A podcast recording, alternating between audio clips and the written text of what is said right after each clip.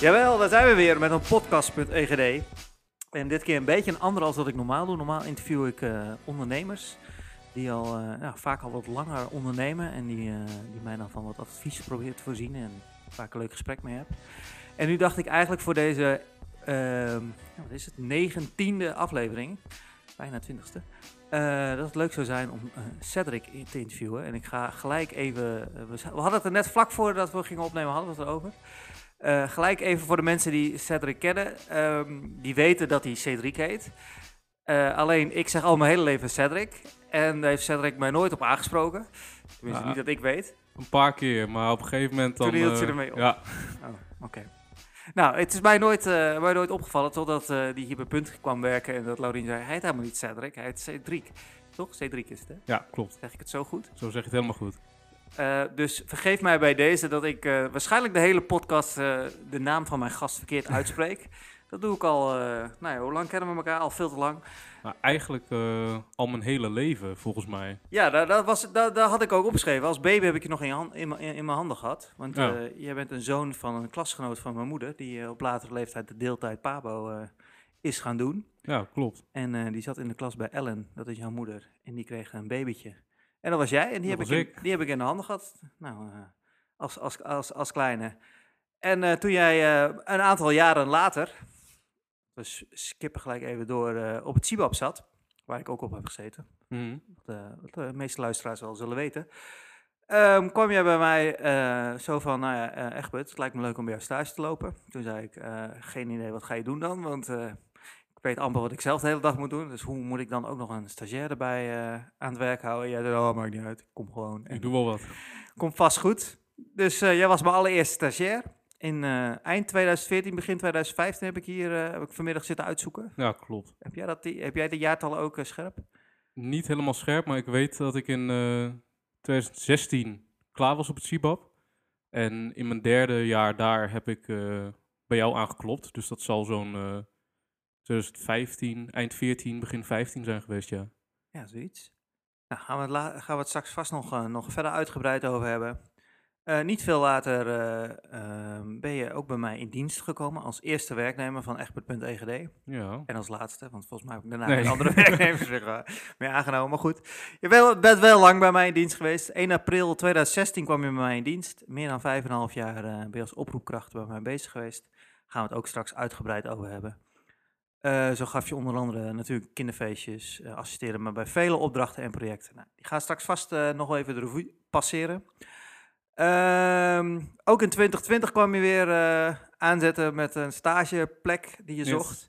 We hebben samen eerst een heleboel zitten kijken in mijn netwerk of, of je ergens een plek kon krijgen. En dat Mm. lukte helaas in die vervelende coronatijd, was het allemaal lastig. Toen zei ik, nou als het echt niet lukt, dan kom je maar gewoon bij mijn stage lopen. Nou, zo geschieden. En eh, heb je een hele toffe opdracht gedaan die je zelf heel graag wilde doen. Gaan we het straks uitgebreid over hebben, lijkt mij. Eh, tenminste, Mhm. daar wil ik het heel graag over hebben. Dat was voor jou Creative Media en Game Technology, zeg ik het zo goed? Ja. Een Saxion studie uit in Enschede, die je vorige week voor bent geslaagd. zeker. Gefeliciteerd. Dankjewel. En eh, sinds oktober 2021, dus dat is nog geen, geen maand, of dat is net een maand, Ja. ben je officieel in dienst bij mijn tweede bedrijf, echt bij Punt. Eh, samen eh, met mijn vrouw Laurien natuurlijk, heb ik een horecabedrijf. En eh, nou ja, daar, daar hielp je al hier en daar een beetje, een beetje via EGD in het begin nog. Huurden we je in. En sinds 1 oktober ben je officieel een van de eerste vaste medewerkers van Punt ook. Yes. De cirkel is rond. Tijd voor een goed gesprek in de podcast, want daar was je nog niet geweest. Nee, Nee, nou, bij deze. Weet je nog waarom je destijds bij mijn stage wilde gaan lopen? Ja, ehm, het is eigenlijk wel begonnen met het idee dat ehm, ik ben naar het CIBAP gegaan, ook aan de hand van de verhalen van mijn moeder. Die wist dat jij dat had gedaan. En ehm, dat dat wel een leuke eh, opleiding voor mij zou zijn. Ik ben toch wel creatief bezig, gra- eh, ja, graag. En ehm, ik zocht eigenlijk een stageplek waar ik eh, ook mijn creativiteit kon ontwikkelen en meer kon leren. Maar nog niet zo goed wat ik wou.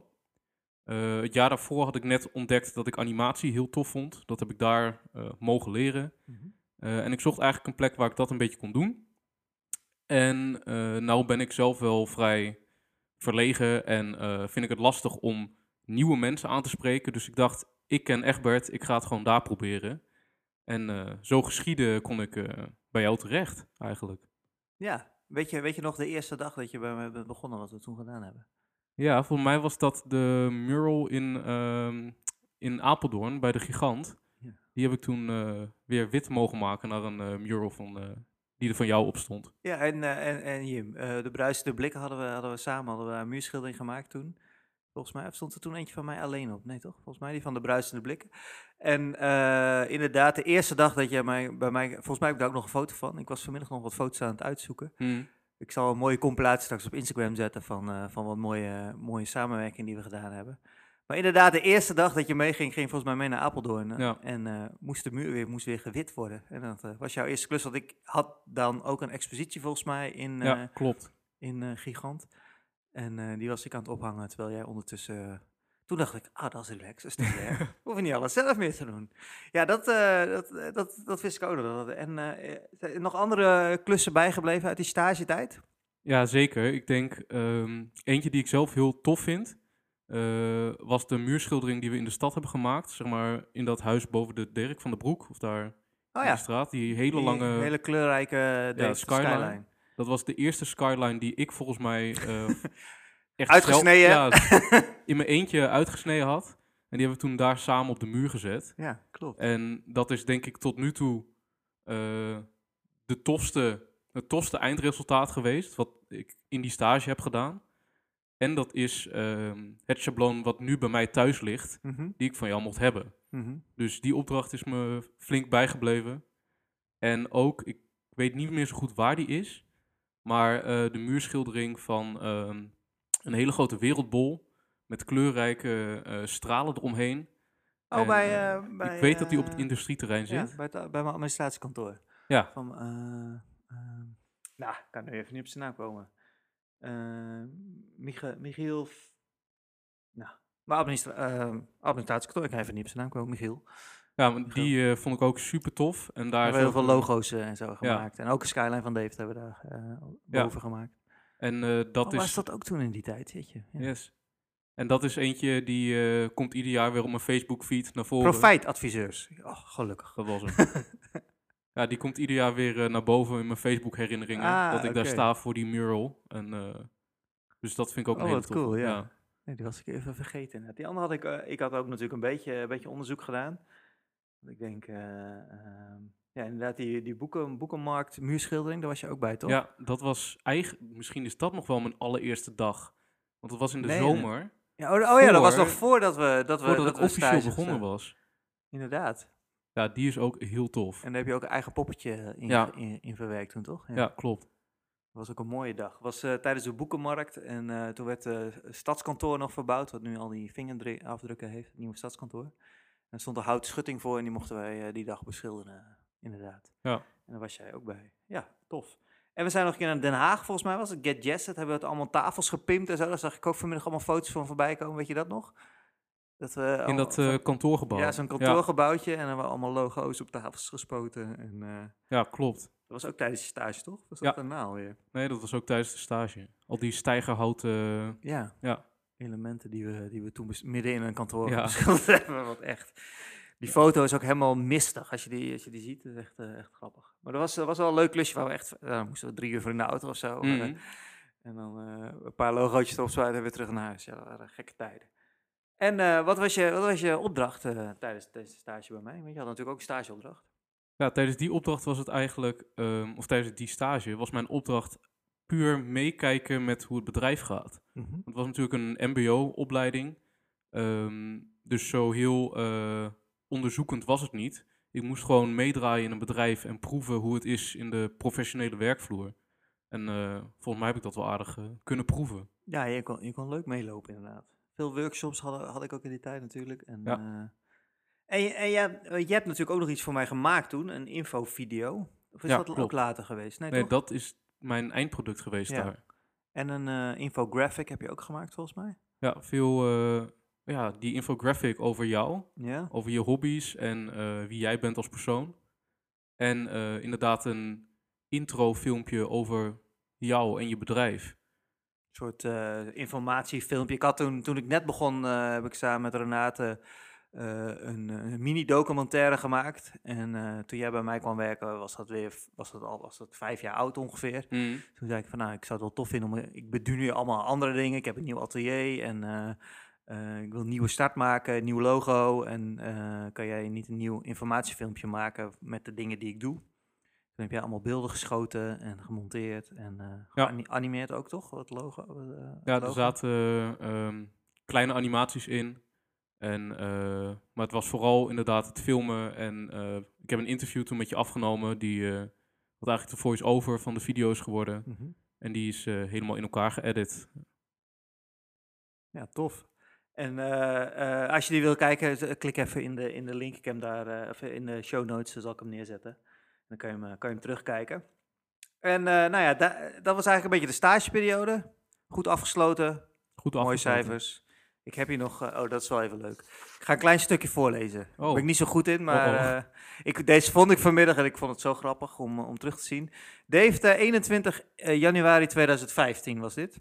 Beste Cedric, je was mijn eerste stagiair. Ik hield stagiaires voor kort liever buiten de deur. Ik dacht, ik heb, ik heb, mezelf, ik heb al moeite om mezelf de hele dag aan het werk te houden. Laat staan dat ik nog een stagiair van leuke opdrachten en werk kan verschaffen. Totdat je, tot je, je mij belde of je mocht komen stage lopen. Ik heb toen eerlijk gezegd, ik weet niet of ik het beste bedrijf ben om stage te lopen. Ik ben wel een beetje een raar bedrijf en ik heb geen idee of ik genoeg opdrachten heb waar, waar je wat van kan leren. Maar je zei, prima. En ik zei, oké, laten we dan maar gaan proberen. En vanaf dag één was ik verkocht. Wat een fijne jongeman ben je. Heerlijk die rust die je uit, uitdraagt, maar je werkt als een malle. Als ik een opdracht gaf, bijvoorbeeld om een schabloon uit te snijden, dan was je, dan was je voordat ik het wist klaar. Cedric, je pakt dingen heel snel op en vraagt als je hulp nodig hebt. Maar niet de hele dag door, maar gewoon als daar ruimte voor is. Erg prettig. Ik heb, ik heb je zien groeien eh, bij het geven van workshops. Je kan merken dat je gewend bent met kinderen te werken. Bij de scouting gaan we het straks ook nog over hebben. Kinderfeestjes eh, gingen je gelijk heel natuurlijk af. Maar je gaf ook zelf aan dat je het lastig vindt om wat volwassenen dingen uit te leggen. Of tips te geven tijdens bijvoorbeeld een bedrijfsuitje.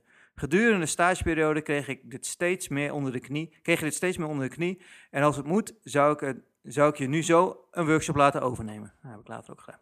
Bij vormgeefklussen merkte ik eh, dat je meer dan een, uitda een uitdaging had. Ik, eh, je gaf aan dat het begin van de stage daar ook jouw leerdoel lag. Ik geloof dat we een aantal leuke klussen dit verder hebben kunnen ontwikkelen. Met een, kerstkaart, met een kers op de taart, de infographic.egd, waar we het al even over hadden, die je van mij hebt gemaakt. Erg goed werk. Ik zou je wel eens willen. Ik zou je wel willen meegeven dat je meer communiceert over de stand van zaken. Dat vergeet je soms nog wel eens. Nou, dat gaat nu inmiddels ook al een stuk beter. Gelukkig. Persoonlijk ben ik erg blij met de info-video.egd die je helemaal zelf hebt gemaakt. Je deed het storyboard, de productie, veel eigen beelden geschoten, de montage en animatie. Je kan zien dat dit dat je vakgebied is waarvoor je aan het leren bent. Ik ben erg trots dat je in zo'n korte periode geregeld hebt. En dat je bij kritische blik en bedweterigheid hebt kunnen omzetten in een voor jou klant, geen idee wat ik daarmee bedoel, in, eh, in dit geval, eh, in- voor, voor jouw klant in dit geval, nou snap ik, een geweldig eindproduct. Ik was jouw klant, want jij moest Mm. zelfstandig die video maken. Ik hoop dat je in de toekomst ook nog wat meer achter de computer vandaan zal komen en je tekenkunsten verder ontwikkelt naar je eigen stijl. Ik heb gezien dat je, hoe leuk je het vindt om muurschildering te maken en gaaf om te zien, dus niet stoppen. Eh, rest mij nog heel hartelijk te bedanken voor deze geweldige eerste ervaring met een stagiair. Alle toekomstige stagiaires.egd mogen dankbaar zijn. Want daardoor, want doordat jij stage zo goed en fijn hebt doorlopen, komt er een volgende periode weer een nieuwe stage lopen van het CIBAP. Eh Stijn is dat, was dat. Die eh, kwam Ja. gelijk na jou.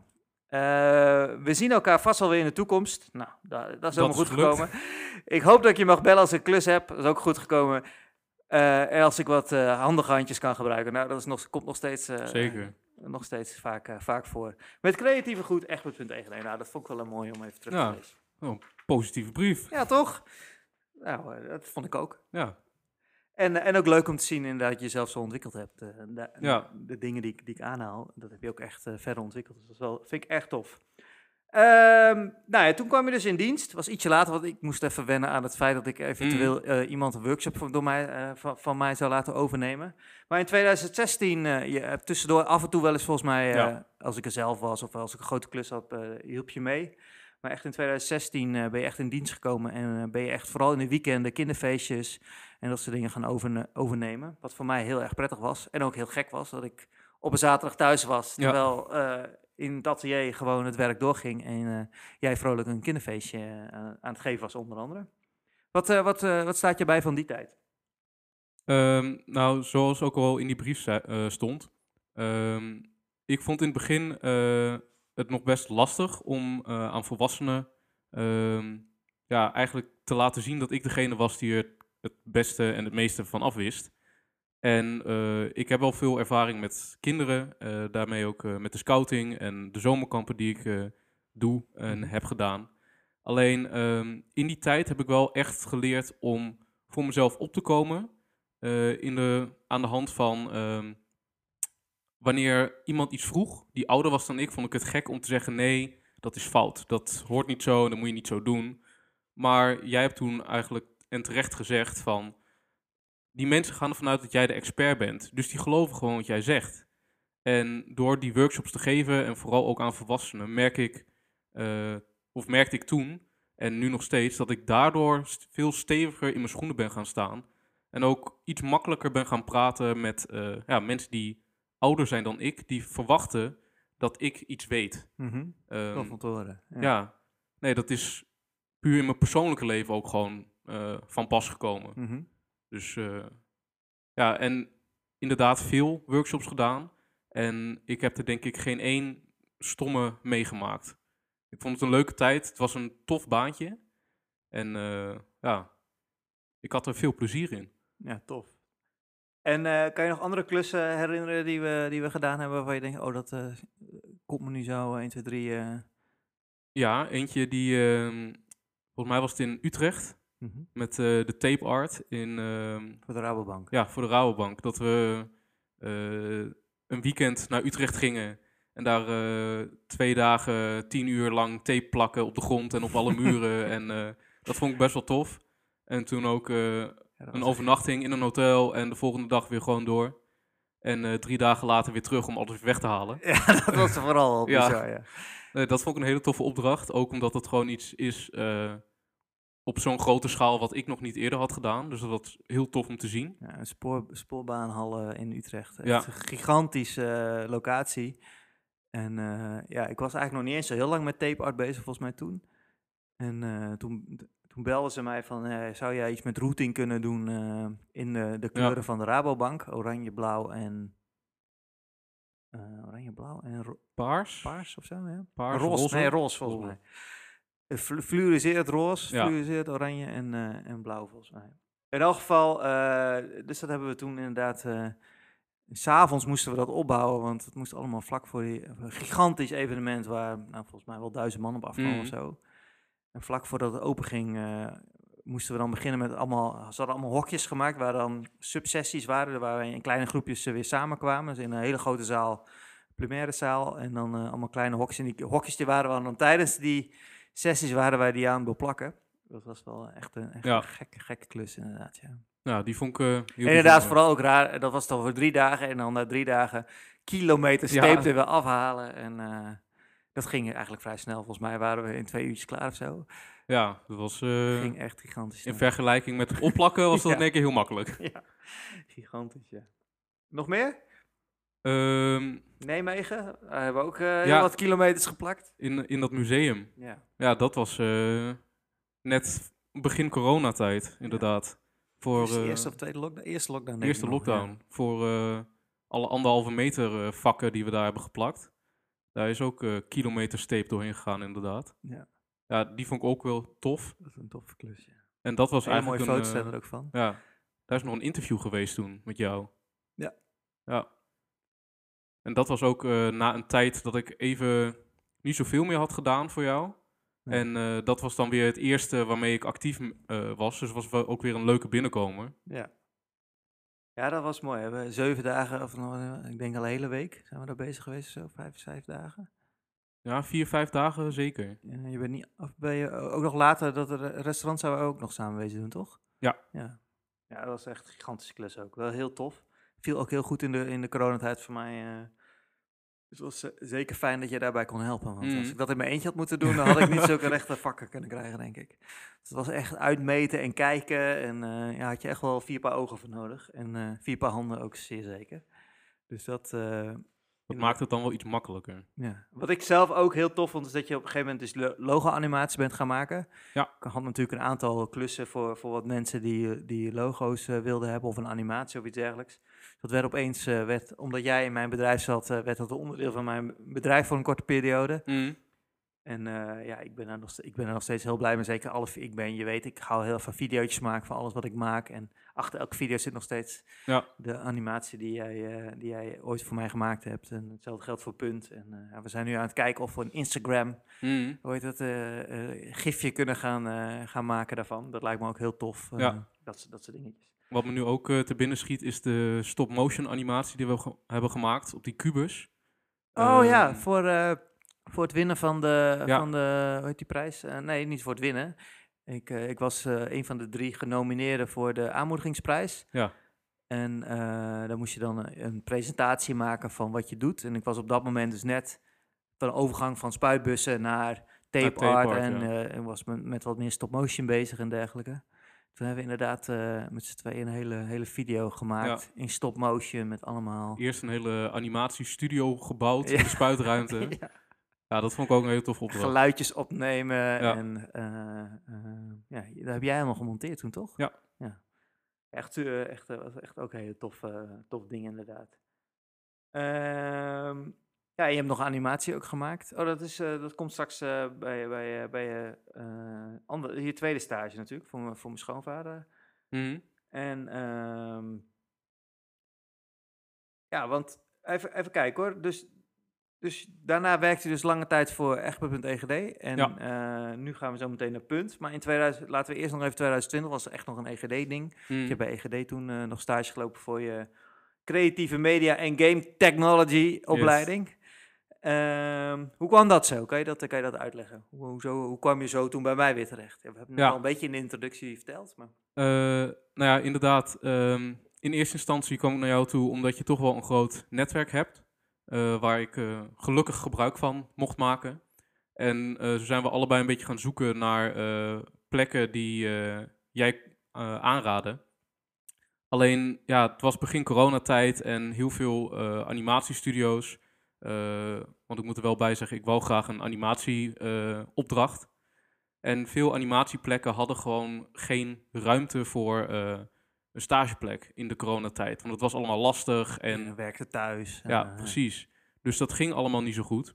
Eh, ik kon niet echt een plek vinden. En uiteindelijk heb jij dus gezegd van, nou, ehm, weet je wat, kom gewoon hier. Dan verzinnen we een leuke opdracht en dan eh, kan je het hier doen. Dus zodoende eigenlijk. En eh, ja, toen kwam er ook uit het niets kwam er opeens een opdracht al. Dat was ook Ja. wel vooral, toch? Of was dat, eh, was het wel... Ik Je was wel een beetje beetje dezelfde periode, toch? Ja. In ieder geval mijn eh, eh, schoonvader, Andri, die eh, ging met pensioen. En ook dat ging natuurlijk allemaal anders in die coronatijd. En hij had bedacht een leuk filmpje te willen maken over, over zijn tijd op, op die school in Schoonhoven. En daar hebben we- heb jij een hele toffe animatie van weten te maken. Ja, Dus dat was eigenlijk al een eerste ja. opdrachtje, zeg maar. Ja, Best precies. wel een toffe opdracht eigenlijk, toch? ja het was leuk om te doen. Het was wel een opdracht met tegen een, de klok. ja, een korte deadline. Dus er werd ook gezegd, ehm, laat het er leuk uitzien, maar het hoeft geen eh, parel te worden. Mhm. Dus ik heb meer tijd eh, gestopt in het animeren en iets minder in de tekeningen eh, die geanimeerd werden. Maar uiteindelijk is het een leuk filmpje geworden en hij was er wel blij mee volgens mij. Ja, zeer zeker. Het is echt een tof, tof video. die zal ook in de show notes opduiken. Toch? Die staat ook Ja. online, toch? Ja, ja. Zeker. Echt, leuk, echt leuk om even te kijken. Ehm, ja, en toen hadden we het erover, wat ga je doen? Want ja, Ja. je zei van, eh, wat voor opdracht heb je voor mij? Of, in elk geval, Ja. we zijn een beetje in gesprek geraakt toen. Uh, volgens mij, het was meer dat ik het idee had dat eh, mijn stage er een beetje zo uit zou zien. Je had van tevoren gezegd, ik weet misschien wel een paar mensen die een leuke video kunnen gebruiken of misschien wel Mhm. wat willen. En eh, daar was die ene voor je schoonvader er één van. En toen zijn we eigenlijk gaan zitten van, ja, wat gaan we nou echt doen? En wat wil jij? Precies, wat wil jij- ik? Als jij zou mogen kiezen. En daar had ik eigenlijk eh, persoonlijk een iets ander beeld bij van... als ik mocht kiezen wat ik later zou willen doen, zou dat wel een eigen serie zijn, eh, maken of een eigen animatiefilm. Omdat dat toch iets persoonlijker is en ehm, dat commerciële filmpjes hartstikke leuk om te maken, maar dat is niet per se waar mijn passie ligt. Ehm, en zodoende hebben we eigenlijk besloten dat ik mijn eigen animatie-shortfilm zou maken. Ja. En, dan, en toen? En toen, ja, Want toen eh, werd het lastig, want toen had je geen opdracht. Moest je eigenlijk jezelf een opdracht gaan geven. precies. En ik weet nog wel dat je daar flink mee gestoeid hebt toen. Ja, want het is eh, eh, iets wat je zei en waar ik heel dankbaar voor ben, is eigenlijk wil je wat vertellen met zo'n filmpje. En dat vond ik nog best lastig. Van ja, ik ben een rustig persoon, ik maak me niet heel snel boos om dingen. Dus wat is dan je onderwerp van je video? En Wat had je ook weer als eerste bedacht? Je had, als eerste had je ook een leuk concept bedacht. ja, als eerste was een, eh, eigenlijk gewoon een leuk filmpje, zonder boodschap, maar gewoon over een poppetje wat ehm, rondliep. En eh, het zou een 2D animatie worden, maar alles wat dat poppetje, of een 3D animatie zou het worden. Ja. En alles wat dat poppetje dacht, zou in een 2D eh, wolkje, een gedachtenwolkje boven hem komen te hangen. En dan langzaam naar beneden vallen in een 3D wereld. En eh, zodoende een beetje animatietechnieken combineren, misschien wat claymation en eh, eh, gewoon een beetje experimenteren. En dat was wel een leuk idee, maar inderdaad, dat zei eigenlijk niet zo heel veel. Er zat niet echt een boodschap achter. Dus je hebt me goed gepusht om na te denken waar het over zou moeten gaan. Ik had weer ergens een podcast geluisterd of zo waarschijnlijk. Ja, misschien. nee, en ehm, als eerste ben ik heel hard gaan nadenken van ja, wat vind ik nou heel belangrijk? En ik kwam toen eigenlijk een beetje op het idee van een legacy, iets achterlaten. En eh, stel, je bent er niet meer, wat onthouden mensen van je? Misschien wel een beetje een raar, luguber onderwerp, maar Nee. het was Goed. toch eh, iets wat in mijn hoofd speelde. Mhm. En daar wou ik eigenlijk wel wat mee doen. En ehm, toen heb ik een heel verhaal bedacht over eh, een koning en een tovenaar en een boer. Die allemaal op hun eigen manier hun legacy hadden. En eh, eh, de koning die was heel vreed en die, ehm, die zijn legacy was eigenlijk een niet eh, positief. Mensen die waren bang voor hem en gingen hem haten. En de tovenaar die was zo een beetje een kluizenaar, waardoor hij geen legacy, hij, of hij maakte wel hele toffe dingen, maar niemand zag het, want hij deelde het met niemand, dus hij liet ook geen verhaal achter. En de boer zou eigenlijk een persoon zijn die eh, niet zoveel had, maar wel hetgene wat hij had probeerde eh, goede dingen mee te doen. En eh, nadat hij er niet meer was, praten mensen nog steeds over hem, zodat hij toch een positief verhaal in de wereld achterliet. Ehm, Klinkt nog als een goede pitch dit. ja, toch? Ja, zeker. Nou, het was dus niet goed genoeg. Nee, eh, wie heeft dat afgeschoten? Ja, Dat, eh, het klinkt gewoon als een supergoed verhaal dit. Ja. Nou ja, ehm, en toen ben ik weer door gaan denken, want dit, eh, ik had wat schetsen hiervoor gemaakt, maar het was toch nog net niet helemaal eh, wat het moest zijn. Ja, wat ik me kan herinneren is dat ik dacht van, eh, wat, is, wat is nu het verhaal wat je hiermee wil vertellen? Wat is de, het is prima als je dit verhaal wil vertellen, maar wat is dan de achterliggende gedachte dat je dit wil vertellen? Ja, En daar kwam je toen volgens mij niet helemaal uit. Nee, je zei, ja, ik- het is gewoon een tof idee. Ik zit met dat legacy, het lijkt me cool, daar wil ik iets mee. Ja. Toen zei ik, ja, dat is tof, maar ik denk dat het gaaf is als je echt iets vanuit je hart vertelt. Dus in ieder geval iets wat, wat dicht bij jouzelf ligt. Waar, waar, waar, wat raakt jou zelf? Volgens mij heb ik toen zoiets gezegd. ja klopt. En eh, nou, weer gaan nadenken. Terug, En naar, terug naar de tekentafel. terug naar de tekentafel en eigenlijk terug naar mijn eh, opleiding. Want daar is eh, ja, toch een voorval. Ik was eh, vroeger erg van het manga tekenen. En dat deed ik graag en dat post ik online. En daar kreeg ik wel views op en zo. Dus dat was iets waar ik wel plezier uit haalde. En graag deed. Waar je ook erkenning voor kreeg. Ja, precies. En, ehm, maar op het Cibab waren er, eh, was er een beetje een stigma van manga, dat is geen kunst en dat is geen goede stijl en het is maar een trucje. En ja, daar kon ik niet zo goed tegen, want dat was gewoon hetgene wat ik leuk vond. En dat werd daar eigenlijk gewoon door docenten keihard afgekraakt. En ehm, dat speelde wel erg bij mij. En ik ben er toen eigenlijk ook mee opgehouden. Ik tekende die dingen niet meer. Ik ben gaan kijken of ik mijn eigen stijl kon gaan vinden. En nou is dat geen slecht ding. Ik zou het aanraden om je eigen stijl te vinden. Maar eh, het heeft er wel voor gezorgd dat ik een beetje de plezier van het manga tekenen ben verloren. En als ik achteraf denk, eh, is dat heel zonde. Mhm. Want als ik daarmee door was gegaan, denk ik dat ik nu een stuk beter was en eh, toffe dingen had kunnen maken. Alleen die skills die heb ik nu niet meer gebruikt. Dus dat is eigenlijk een beetje gewoon verwaterd. Mhm. En dat is heel zonde. En ehm, die zomer was ik eh, op een zomerkamp eh, op Schiermonnikoog. En daar was eigenlijk een meisje en die was super creatief. Die maakte poppen zelf. En eh, ik, volgens mij was ze pas een jaar of tien, dus creatief kind. Mhm. En ik vertelde haar eigenlijk een beetje dat verhaal met als tip van als mensen er negatief op reageren, onthoud wat je eraan hebt, maar je hoeft hier eigenlijk niks mee te doen. Laat je creatieve eh, plezier niet afnemen door andermans negatieve eh, reacties op je werk. Mhm. En toen ik daar in één keer aan dacht, ik van dat is de boodschap die ik wil gaan vertellen met dit filmpje. Mhm. Eh, ja, puur omdat ik het zelf heb meegemaakt. En dat is hetgene wat ik aan jongere mensen of iemand die het kan gebruiken graag zou willen vertellen. Ja, nee, dat, ik, vond het, ik vond het een heel bijzonder verhaal. En eh, eh, ik denk dat het dat, dat was een heel mooi startpunt om, eh, om, om je video, video mee, mee, mee te gaan vormgeven. Dus, Ja. dus daar ben je toen ook mee begonnen, toch? Ja, Ja. ja ik ging een beetje schetsen. Ik heb uiteindelijk het poppetje gekozen wat ik eigenlijk voor het eerste idee wou doen. Met, het, met die gedachtes. Blub.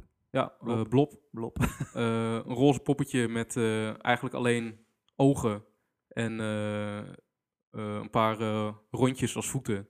En verder heeft hij niet zoveel. En ehm, want ik dacht, het is wel leuk als het een karaktertje is wat eh, eh, niet per se hoeft te praten in zo'n eh, filmpje. Mhm. Want ik zou heel graag ehm, Non-spoken. ja, non-spoken, gewoon puur door eh, ja, character acting eh, een verhaal willen vertellen. En eh, ja, dat heb ik eigenlijk daarmee gedaan. Ik heb eh, dan Blob ge- getekend, ontworpen. En eh, eigenlijk een, eh, een juf of een docent. En eh, die was, eh, was een vierkant, vrij hoekig. eh, geen pupillen. En eh, eh, ja, alles vierkant eigenlijk. Een vierkante knot op het hoofd. Eh, heel agressief. zeer agressief. Ehm, die eigenlijk een beetje uitvalt naar Blob. En eh, Blob wordt daar een beetje eh, ja, gedemotiveerd van. En uiteindelijk komt hij een eh, wildvreemd persoon tegen. In de vorm van een zeshoek eigenlijk. En die persoon die laat merken dat je niet altijd hoeft te luisteren naar de negatieve dingen die je hoort. En zo komen ze eigenlijk samen tot een compromis van Blob maakt trouwens rondjes als eh, zijn creatieve uiting. Wat voor een manga tekening een beetje stond, Ja. eigenlijk. Ja, voor zijn visie, wat hij leuk vindt, waar hij Ja. plezier van eh, haalt of uithaalt. Zo'n rond type. Een kwam rond type. Een vierkant type tegen die alleen maar in, in rechte hoeken denkt eigenlijk. Precies, en die wou graag een vierkant zien. En dat kon Blob eigenlijk niet maken. En uiteindelijk wordt hij zo gedemotiveerd dat alles wat hij doet een vierkant wordt. En eh, de vreemdeling, de zeshoek, die eh, laat eigenlijk zien dat een eh, vierkant niet altijd de oplossing is. Maar dat het ook een rechthoek kan zijn of eh, een zeshoek. En Blob gaat daarbij nadenken. En in plaats van een zeshoek maakt hij een driehoek. Want hij neemt al zijn ervaringen mee. En Creëert weer iets nieuws. creëert iets nieuws waar hij trots op is. Ja. En neemt alle dingen die hij in zijn leven tegenkomt, neemt hij mee. Ja, Ja, precies.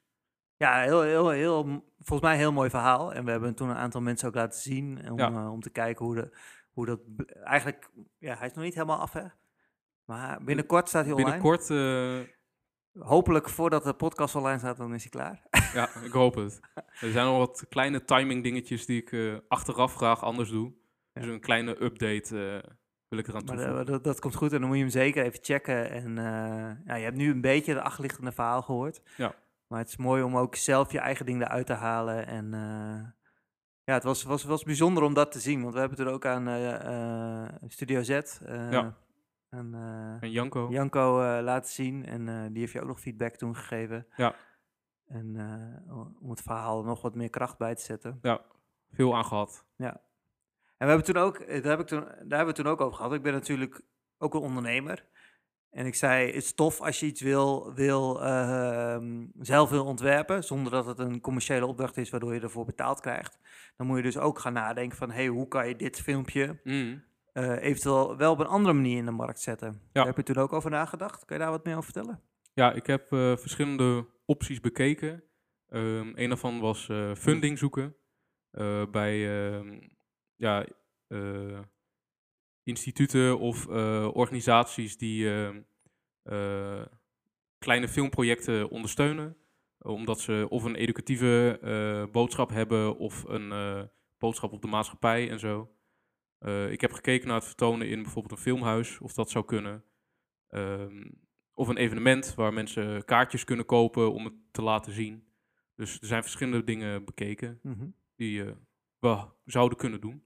En uiteindelijk weet ik dat je in je verslag, of dat je in elk geval zelf, ik weet niet meer precies, maar dat je toen aangaf van ik wil eigenlijk hier geen geld mee verdienen, maar meer als een, eh, hoe noem je dat? Een, eh, Een, misschien een soort workshop Ja. aan achterhangen. ja, of als, als soort van Een gift aan, Ja, aan, aan, de, aan de mensheid, om het zo maar te zeggen. ja ik, Eh, ik heb erover nagedacht om ehm, een soort van praatje, eh, presentatie te houden over creativiteit en charity, dat is een beetje een be- beste Ja. Ja.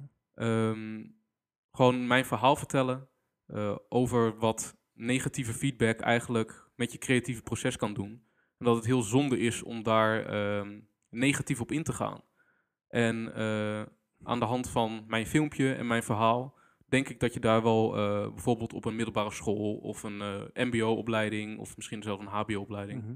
dat je daar wel een eh, gesprek kan aangaan met een klas of met een groep. Eh, Nou, in elk geval eh, misschien een discussie daarover openen van hey, hoe denk jij daarover? Of ja, eh, in elk geval een zaadje te planten zo van hey, als ik driehoeken tof vind en ik kom daarna iemand tegen die alleen maar zegt je moet vierkanten maken. En daarna kom je iemand tegen die zegt van nou dat hoeft helemaal niet. Je kan ook een rondje en een vierkant samenvoegen waardoor je een zeshoek krijgt. En dat je daardoor ontwikkelt en dus weer totaal iets nieuws, een driehoek, Ja. eh, ehm, dat dat ook kan. Dat is niet, is niet een gegeven dat als je een cirkel leuk vindt, dat je aan het eind van je leven alleen maar cirkelstof hoeft te vinden. nee, precies. Maar je hoeft je ook niet je cirkel af te laten nemen door iemand die zegt van eh, cirkels, dat slaat nergens op. Nee, en dat is denk ik ook een ding van creativiteit. Ja, Veel mensen zeggen van ja, eh, niks is creatief, want alles is wel een keertje gedaan. Maar het is juist hetgene wat jij met al die dingen doet die je ziet. Heb je En- Everything is a Remix al gekeken? Nee, ik moet er nog aan beginnen. Oh, nou, even een tip tussendoor. Er is een nieuwe, nieuwe versie van Everything is a Remix. Mijn favoriete documentaire en die gaat hier dus pre- precies hierover. Nou, Over dat alles een remix is van iets wat al, al bestaat. ja, En dat is creativiteit eigenlijk. Bijna alle hip-hop muziek bijvoorbeeld bestaat uit samples, uit een muziekje wat al bestaat, wat eh, gemixt wordt. En eh, heel veel grote hits zijn gewoon onderdeeltjes van een ander liedje wat weer gemixt is, bijvoorbeeld. En ook Apple en Microsoft bijvoorbeeld, die hebben alles van elkaar Ja. gejat nou, dat bedoel ik dus. Ja. Ik eh, moet snel gaan kijken. of geïnspireerd. Dus eh, ja, dat, dat, die documentaire heeft mijn wereld ook veranderd. En daarom vond ik het ook een tof verhaal, denk ik, wat jij bedacht had voor je animatie. En ik hoop dat hij snel online komt en dat we hem kunnen Ja. laten zien. En misschien dat hij wel in het filmhuis gedraaid kan worden. Of, Ja, wie eh, of hier nog een keer. We hadden het vanmiddag over een mooi evenementje hier bij Punt. Ja. Met eh, animatiefilmpjes of iets dergelijks eh, laten zien. Dus als er andere animators zijn die ook tof vinden om een korte film die ze gemaakt hebben te laten zien... neem gerust contact met ons op. We, we zitten te broeden op een soort mini Ja, klein alternatief filmfestival. filmfestival, animatieshowing. Ja. Laten zien wat voor creativiteit op animatiegebied er in Deventer eh, is. Ik vind, het lijkt me heel tof om daar iets mee te doen. Ja, toch? Er zullen vast meer mensen zijn die eh, zelf dit soort filmpjes maken en eh, die creativiteit willen, willen laten zien. Ja, Dus, en ik denk dat het ook leuk is als het niet allemaal professioneel is. Nee, Gewoon juist. juist laat ja, je creatieve geest los. En dat is ook het mooie van deze tijd, is dat je met, met, met vrij weinig al hele toffe dingen kan maken. Omdat je hebt alle beschikbare tools al bijna op je smartphone zitten om, om een animatie te kunnen maken, bij wijze Mhm. van. Of een eh, stop motion, of een, Oh, is het een short film? ja, al Ja. is het een filmpje wat je zelf opneemt. Of, eh, YouTube is daar natuurlijk eh, een mooie, mooie verspreiding van hoe tof is het om hem aan het publiek te laten zien, wat je gelijk ook echt kan zien. Dat, eh, Ja. Hoe die daar weer op reageren en die daar misschien vragen over stellen. Of, eh, Het is wel eng, maar super tof. Ja, maar eng is, eng, is, eng is niet slecht. Nee, zeker Eng, niet. is, eng kan ook heel tof zijn. Dus eh, ook dat, eh, die stage die is, eh, die is goed afgesloten. Yes, Want ja, dat was, was een goed eindproduct ook, toch? zeer tevreden mee. Ja. En ehm, ja, toen moest je afstuderen. Ja, En toen? Wat heb je toen gedaan? en toen? Want dat is de afgelopen weken was je daar druk mee. Yes. Ehm, nou ja, weer dankzij jouw netwerk Oh jee. zijn we gaan kijken van, nou, een animatiebedrijf of een mediabedrijf, wat zou tof zijn? En eh, je had een lijstje op, opgenoemd met bedrijven en die ben ik allemaal even gaan googlen. En bij een van die bedrijven, bij Rocket Boys, zag ik in één keer eh, twee jongens staan op de website waarmee ik in de klas heb gezeten. Waar eh Rijnt en Cas. En ik dacht van, nou, dat is mooi. Kleine wereld. Kleine wereld. Dus ik heb ze allebei even gewoon een bericht gestuurd via Facebook van... hey, ik zie jullie werken bij Rocket Boys. Ik ben op zoek naar dit en dit. Kan dat bij jullie? En toen kreeg ik heel snel een eh, berichtje terug van... eh, kom eens langs. Ja. En eh, toen kwam ik langs. en toen mocht ik... toen hebben we gewoon even gepraat. En daar is een toffe opdracht uitgekomen. Wat was de opdracht? Rocket Boys wil heel graag een video, of een animatie eigenlijk, die... info, info animatie. toch? Ja, een info-animatie die eh, hun klanten uitlegt hoe zij animaties maken. En welke stappen zij ondernemen om dat te doen. Ja, en eh, dat was eigenlijk mijn eh, uitgangspunt. En ik ben toen gaan praten met de mensen eh, in Rocket Boys van, nou, hoe maken jullie dat dan? En ben- Proces vastgelegd. ja, proces vastgelegd. En eigenlijk hebben zij een heel mooi stappenplan. En ehm, dat heb ik kunnen overnemen. Want zij maken eerst een script. En dan ehm, gaan ze een voice-over opnemen. Dan komt de vormgeving, eh, die wordt gemaakt. En eh, dan gaan ze het animeren, zeg maar. Dus het zijn vier vaste stappen die ze iedere animatie, eh, ieder animatieproject afgaan. Met bepaalde feedback Ja, zit, momenten voor de klant In waarschijnlijk. iedere fase zitten inderdaad twee correctierondes, waarin de klant feedback kan geven. En als een ehm, fase wordt afgerond, dan gaan ze door naar de volgende fase. Alleen zij merkten dat klanten af en toe in een latere fase toch terug willen naar een afgesloten fase. En dat filmpje was er eigenlijk voor bedoeld om dat een beetje tegen te gaan.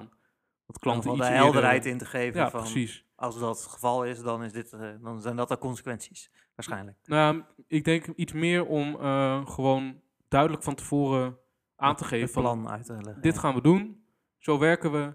eh, dit zijn de momenten dat je er wat feedback op kan geven. En als je tevreden bent, dan gaan we door. En dat was eigenlijk een beetje de insteek. En eh, ik heb ook gekeken naar hoe concurrenten eh, dit doen. Wat vertellen zij op hun website bijvoorbeeld? Mhm. Ehm, hebben zij een animatie? Ehm, en eh, of is het bij hun uitgetypt of hebben ze er helemaal geen informatie over? En dat heb ik allemaal een beetje verzameld van de mensen hier of de bedrijven hier in de buurt.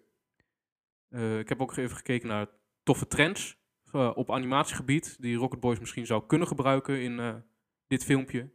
Eh, daar heb ik er drie van uitgekozen. Ehm, en eh, ja, dat zijn eh, de seamless transition, dat eh, dingen van de een naar de ander vloeiend overgaan. Ehm, kinetic typography, dus spelen met letters en eh, dat die eh, veranderen. En thin lines, dus dunne lijnen als eh, ja, een stijl eigenlijk. Mhm. En die zijn er allemaal in verwerkt eh, in het eindproduct. Ehm, ja, en ik heb eh, het hele storyboard gemaakt voor hun. Ik heb een moving storyboard gemaakt. Eh, we, we hebben dit trouwens in een werkgroep gedaan. Dus ik had met vier heren, of we waren met z'n vieren.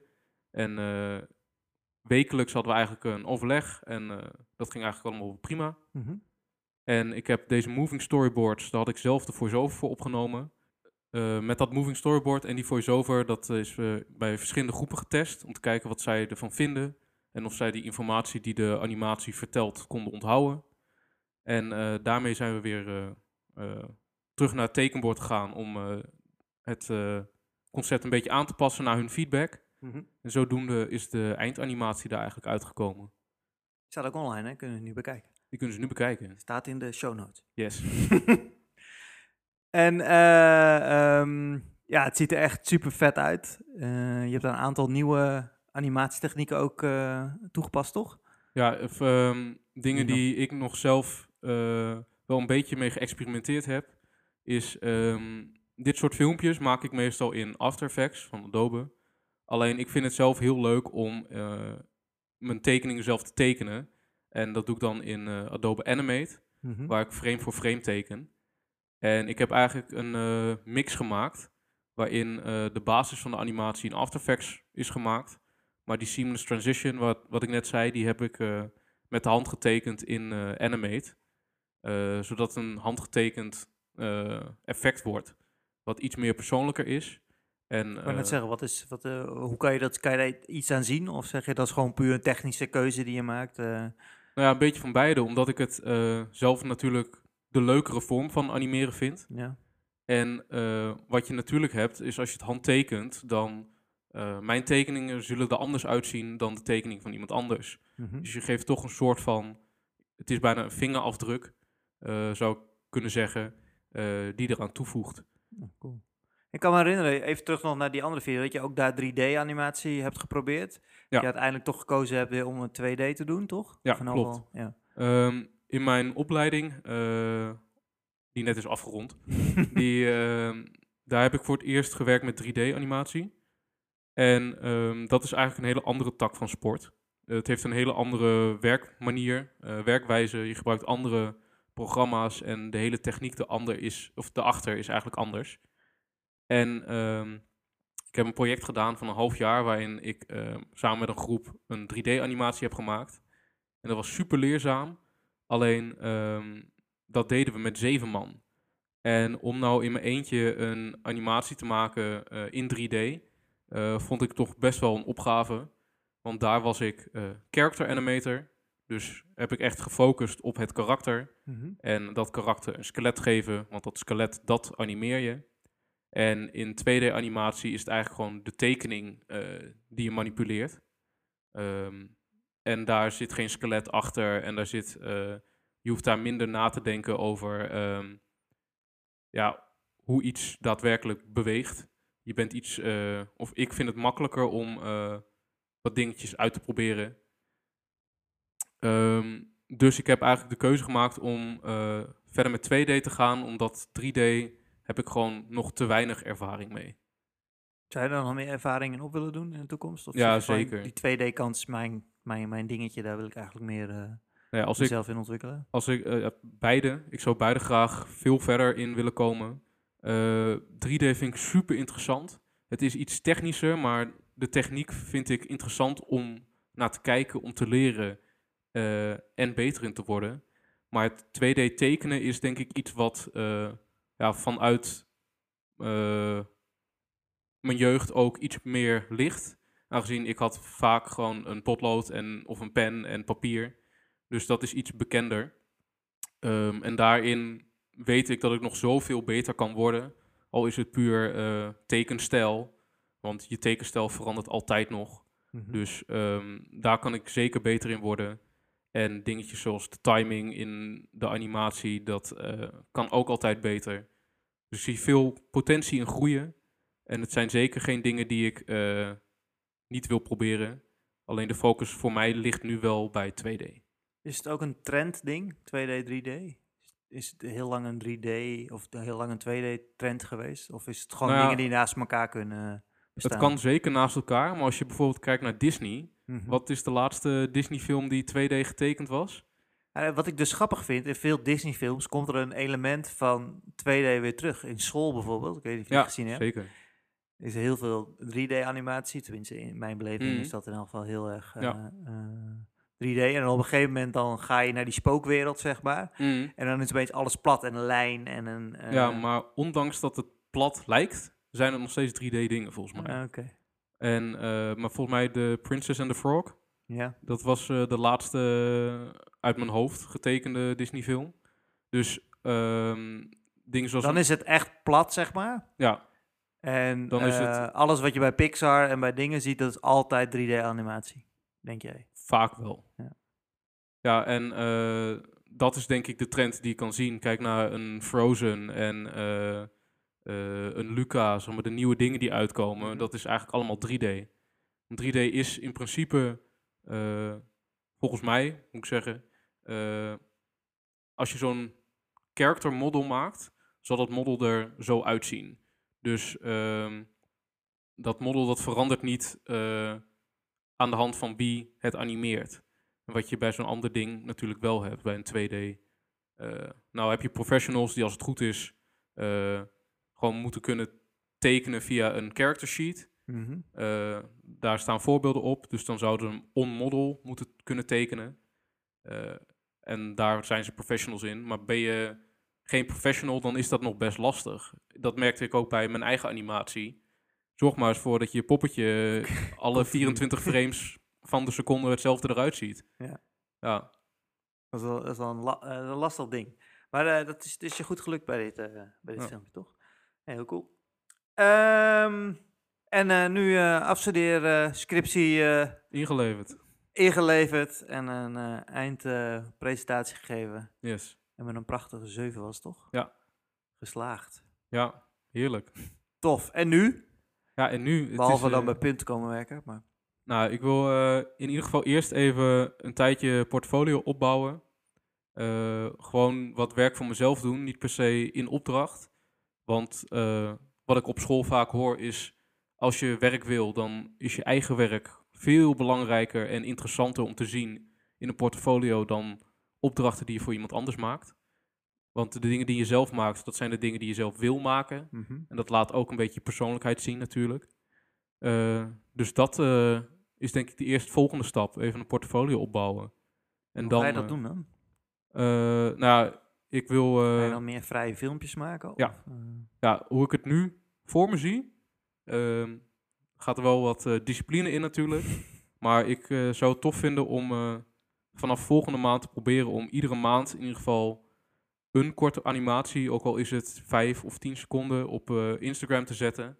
Zodat ik mezelf kan pushen om eh, wat dingen te doen, zeg maar. waar kunnen ze je volgen? Eh Cedric underscore Catalai op Instagram. Ook in de show notes te vinden. Yes. ja, Wat een en, lange show notes. nee, en ik gebruik Instagram puur voor mijn portfolio. Dus ik zet eigenlijk alleen maar werk op. Ja, je kan eh, in elk geval het proces heb je daar. eh, ja, het ook proces van, van, eh, mijn stageopdracht bij jou, Ja. die staat daarop. Het- laatste video van. Ja. mijn afstudeerproject staat erop. En ik ga er nu dus wat eigen werk opzetten. Heb je er al een idee over? Gaat dat dan zoiets zijn als Blub? Of gaat dat dan zoiets zijn als een informatievideo? Of het gaat worden wel filmpjes zoals eh Blob. Blop maar sorry? misschien... Ik heb iets met namen. Ja, weet- geeft niet. maar ehm, ik denk wel weer iets meer in de trant van... het hoeft niet per se iets te zeggen. Want dit worden meer oefeningen voor mij... om beter te worden met de programma's waarmee ik werk... en eh, mezelf een beetje uit te dagen. Maar ook storytelling, denk ik toch? Zou ook tof zijn als je dat. eh, Ja, zeker. Eh, ik denk alleen storytelling, dat is... ehm, ik weet niet of Instagram daar de juiste plek voor is. Want ik wil het eigenlijk gebruiken voor vrij korte video's. Die, wat ik leuk vind is als ze loopen. Ehm, Een soort gifje. ja, Instagram-gifje. Oh, ik, weet- ik heb nog wel wat ideeën hoor. nou kom maar door. Nee, eh, dat storytelling dat gaat ook zeker gebeuren. Maar eh, zeker in de eerste paar video's die ik ga uploaden... dat worden meer testjes voor mezelf. Ehm, ik zit te denken Ja, aan maar dat zou eh, dan een loop. sorry, ik vertel verder. Nee, ik, zat, ik zit te denken aan dingen te proberen met anatomie. Om daar iets beter in te worden. Gewoon een lichaam. poppetjes die rennen, poppetjes die springen. en gewoon lekker tekenen. Wat ik. En die dan een loopje maken, zeg maar. Ja, Dus bijvoorbeeld. er loopt een popje in beeld, die loopt misschien uit beeld en dan loopt hij weer in beeld. Ja. Zoiets. dat soort dingen. En ehm, ik zou het wel tof vinden als je nog een vervolg gaat maken. Van blub, blop. Nu durf ik het niet meer te zeggen. Blob. Plop. Ja, dat kan zeker. Ja. Ik denk, er zijn wel. eh, ik kan vast wel. eh, Een remake of een... eh, ja. Ja, ik heb dus over nagedacht om misschien een remake te maken. Ook puur omdat ehm, tijdens mijn eh, eindpresentatie van die stage was één docent die had er nog niks van gezien. En die kwam toen keer aan met een programma waarin dat heel mooi kon zijn. En die was super enthousiast over alles. Terwijl hij er eigenlijk zat om vragen te stellen, maar hij heeft geen één vraag gesteld. Alleen maar tips gegeven. Ja, precies. dus dat was super grappig. Maar dat was eigenlijk een programma, ik, de naam ben ik even vergeten, maar ik kan Want het je denk hebt ook in die achtergronden had je toch iets gedaan? Heb je dat uiteindelijk nog gedaan? Ja, toch? Die, die ronde achtergronden en die Eh, vierkante. dat is dus iets wat ik graag eh, nog wil aanpassen. Want in de achtergrond van het filmpje, daar eh, verandert de wereld eigenlijk. Want wanneer, in, wanneer Blob alleen is en met zijn vrienden, dan zitten op de achtergronden veel cirkels. Of eigenlijk alleen maar cirkels. En dan loopt hij uit die wereld en komt dan in de vierkante wereld van de docent. Waar alles eh, eh, blauw is en hoekig en vierkanten. En eh, wanneer hij daar weer depressief uitloopt, dan komt hij in de wereld van zeshoeken. Ehm, en in het filmpje wat nu bestaat, is het nog allemaal statisch, dus ze bewegen niet. Mhm. Maar ehm, het lijkt me heel tof om daar wat beweging in te zetten en dat het iets meer levendig wordt. Ik zou gewoon nu eerst eentje afmaken Ja, en dan eventueel een remake maken. ja dat is wel beter. Want dan heb je en het proces vastleggen op Instagram. Wat ik toen ook, eh, wat ik toen ook eh, adviseer- adviseerd heb. Dat is het leuk, vind ik in ieder geval altijd leuk, om te zien. Mm, Een proces van, van, van, van het maken. En dat heb je op Instagram heel tof gedaan. Dat je inderdaad het eerste schetsje ziet en de, eh, Ja. dat, de bewegende storyboard. Ehm nou, een 3D-animatie. vol- Heb je die er ook op gezet? Die 3D-animatie die je had gemaakt? Die Dan van een plaatje toch, daarvan? Ehm, Dus moet je die er ook nog op zetten. ja, volgens mij, Die zit wel in je verslag, zag ik vandaag. Die is wel heel tof. Die, met die glimmende... oh, die je bedoel wel, Ja, die, die nee, die staat er niet op, maar ja, het zou wel kunnen. ideeën genoeg. Precies. En, ehm, en verder, wat is... eh, je, ga, je, gaat nu, eh, je, je werkt nu bij Punt. Ja. Hoe bevalt dat? Ja, eh, bevalt goed. Barman. Ja, nee, is- ik, eh, ik vind het heerlijk om eh, na twee jaar mijn hele studie thuis te hebben gedaan, even weg van die computer te zijn. En dat geeft ook wat, ja, wat rust. Ik vind het lekker om even gewoon te lopen ehm, en gewoon wat dingen doen met je handen. In plaats van 16 uur achter je computer te zitten per dag. In het land van de levenden te zijn. Precies. Of, Ja, en Ja. het is, moet ik ook zeggen, ehm, al dat creatieve denken, dat eh word je ook moe van. dus ik vind het ook wel lekker om gewoon even een dag te kunnen werken, zeg maar. gewoon eh, verstand op nul en gaan. Ja. Ja, ja tof. Eh, hoe is het om voor mij te werken? Ja, ik vind het wel chill. Anders zou ik het denk ik niet zo lang doen. Nee, eh, het bevalt goed. Het is, ik leer heel veel, ook indirect. Zeker in mijn eerste stage was eh, ehm, eh, een eh, ondernemende houding en hoe je omgaat met ja, een onderneming, hoe je erin staat. Ik kan eigenlijk heel veel afkijken bij jou. En ook nu bij Punt kan, kan dat. Ik merk dat praten tegen volwassenen en zo en inbreken in een gesprek vind ik nu nog steeds lastig. Alleen ik merk wel in de maanden dat ik hier nu loop dat dat ook alweer een stukje beter gaat. En eh, ja, ik, ik ontwikkel hier wel prima, volgens mij. Ja, zeer zeker, zeer zeker. Maar eh, was ik gewoon nieuwsgierig naar. Ik denk, eh, hoe zou dat zijn om voor mij te werken? Het lijkt mij verschrikkelijk, maar eh, het, schijnt, het schijnt wel mee te vallen dus. Dus ja, het valt op zich wel mee. Elke dag anders, zeg ik altijd. Ehm, even kijken wat ik nog op mijn blaadje had staan. Oh ja, jij bent ook leidinggevende op scouting, zomerkampen. Ja. Dat is ook wel iets wat, wat, waar, je van je... We hadden het van de week eh, over tijdens een naborrel. En toen gaf je aan van... eh, toen zei ik van, wat zijn je toekomstdromen? Waar zou je graag naartoe willen? Ja, En, eh, kan je daar wat over vertellen? ja ik ehm, ben, ik weet niet eens hoeveel jaar, laten we zeggen acht jaar of zo, nu Lang. bij scouting. Ehm, ik ben er gekomen als eh, beverleiding. Want, dat ze, bevers zijn eh, kinderen van eh vijf tot acht.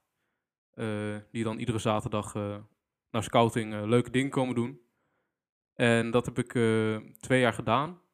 Toen ben ik eh welpenleiding geworden. Dat is de groep boven. Dus dat is eh, van 7 tot 12. Ehm, dat heb ik ook een aantal jaar gedaan. Jaar of drie volgens mij. En toen eh, ben ik er eigenlijk even uitgegaan. Eh, ik ben daar altijd nog eh, lid geweest als eh, zelf 18 plus lid. Dus je daar gewoon leuke dingen doet met leeftijdsgenoten. En ik ben eigenlijk sinds deze zomer weer terug als leiding, of eigenlijk begeleiding. Van, bij ons heet dat Roche, maar volgens mij heet het officieel Explorers. En dat zijn zeg maar de tieners van eh 15 tot eh 18. En ja, dat bevalt me wel eigenlijk weer. Het is eh, gezellig. Je, ook het ding van mensen wat meegeven, wat leren. Eh, zeker bij die kinderen, eh, die leer je, of de, de jongste kinderen moet je eigenlijk leren om samen te spelen. Ja, dat vond ik wel grappig, want dat is iets wat, eh, waar je op je eigen leeftijd eigenlijk helemaal niet meer over nadenkt. Mhm. Dat je dat moet leren als persoon Samenwerken of ook ja, samen, samen spelen, spelen. en Ja. samenwerken. En, eh, want je ziet dat jonge kinderen die so- spelen soms gewoon alleen. En dan moet je ze in zo'n groep gaan betrekken. En sommigen willen dat niet, of die snappen dat niet, of die spelen heel gemeen, of het draait allemaal om zichzelf. Ehm, en dat is een leuke uitdaging om daar een leuke groep van te maken. Mhm. En eh, de wat oudere kinderen, ja, die moet je leren knopen en die moeten routetechnieken leren. En nou ben ik zelf helemaal geen scoutingkind geweest, dus ik leer dat samen met die kinderen. Dus dat vind ik hartstikke leuk. En eh, ja, daarnaast ehm, doe ik al, eh, afgelopen jaar was mijn negende jaar dat ik eh, leiding ben op eh Schier Zomerkamp. Dat is een zomerkamp op Schiermonnikoog, zoals het klinkt. Mhm. Ik ben daar vroeger zelf als kind naartoe gegaan. als eh elfjarig jongetje. En ehm, dat was toen een, echt een kinderkamp. Dus daar kon je heen tot, tot en met je twaalfde. En toen heb ik met mijn vriendengroep toen gesmeekt of wij als tieners ook nog een keertje mochten. Dus toen hebben ze een eh, tienerkamp opgericht. En eh, daar ben ik toen van mijn eh, veertiende en vijftiende jaar ook geweest als kampkind of kamptiener. Mhm. En ja, dat was zo leuk dat wij weer met mijnzelfde vrienden toen eigenlijk hebben gesmeekt of we het jaar daarna weer terug mochten komen als leiding voor de kinderkamp. Ehm, en dat mocht. Dus ik ben eigenlijk vanaf mijn zestiende al daar ieder jaar leiding. En eh, de afgelopen paar jaar ook hoofdleiding. Dus dat ik eh, eh, een team onder me heb en dat ik de ja, verantwoordelijke persoon ben, zeg maar.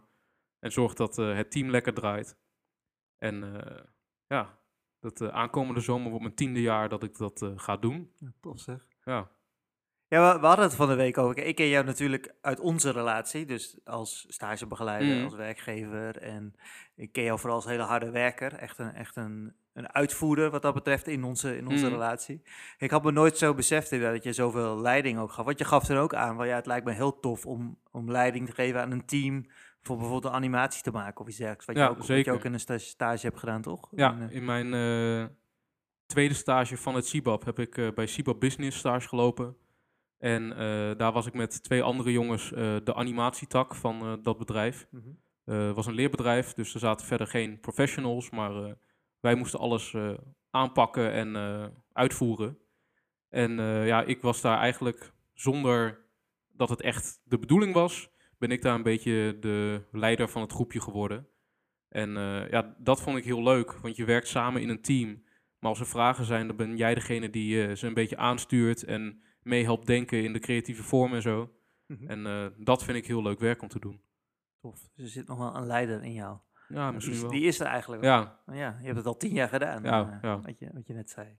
Ja, tof, tof om dat te horen. Ik ben, eh, ben heel benieuwd hoe dat, hoe dat verder uit gaat pakken de komende jaren. Ja.